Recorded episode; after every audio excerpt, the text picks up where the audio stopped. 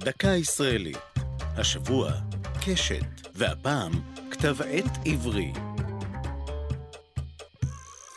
עמוס עוז, א' ב' יהושע, יצחק בן נר, ז'קלין כהנוב ויהושע קנז זכו להצלחה ספרותית בינלאומית. אולם, את דרכם החלו בכתב עת מקומי וצנוע, קשת. כך למשל, את סיפורו שלושה ימים וילד פרסם א' ב' יהושע בין דפי קשת ב-1965, בטרם עובדה יצירתו לסרט המצליח שביים אורי זוהר.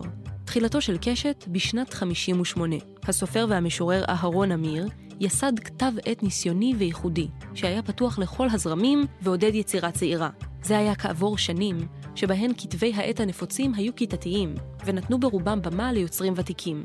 על אף השתייכותו של העורך לתנועה הכנענית, תנועה אידיאולוגית תרבותית, לכתב העת שלו לא הייתה מחויבות פוליטית שהצרה את צעדי משתתפיו.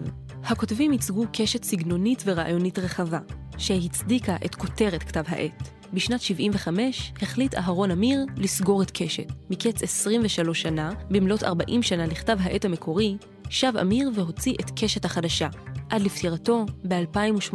זו הייתה דקה ישראלית על קשת וכתב עת עברי. כתבה מאיה יהלום, ייעוץ הפרופסור זיווה שמיר, עורך ליאור פרידמן.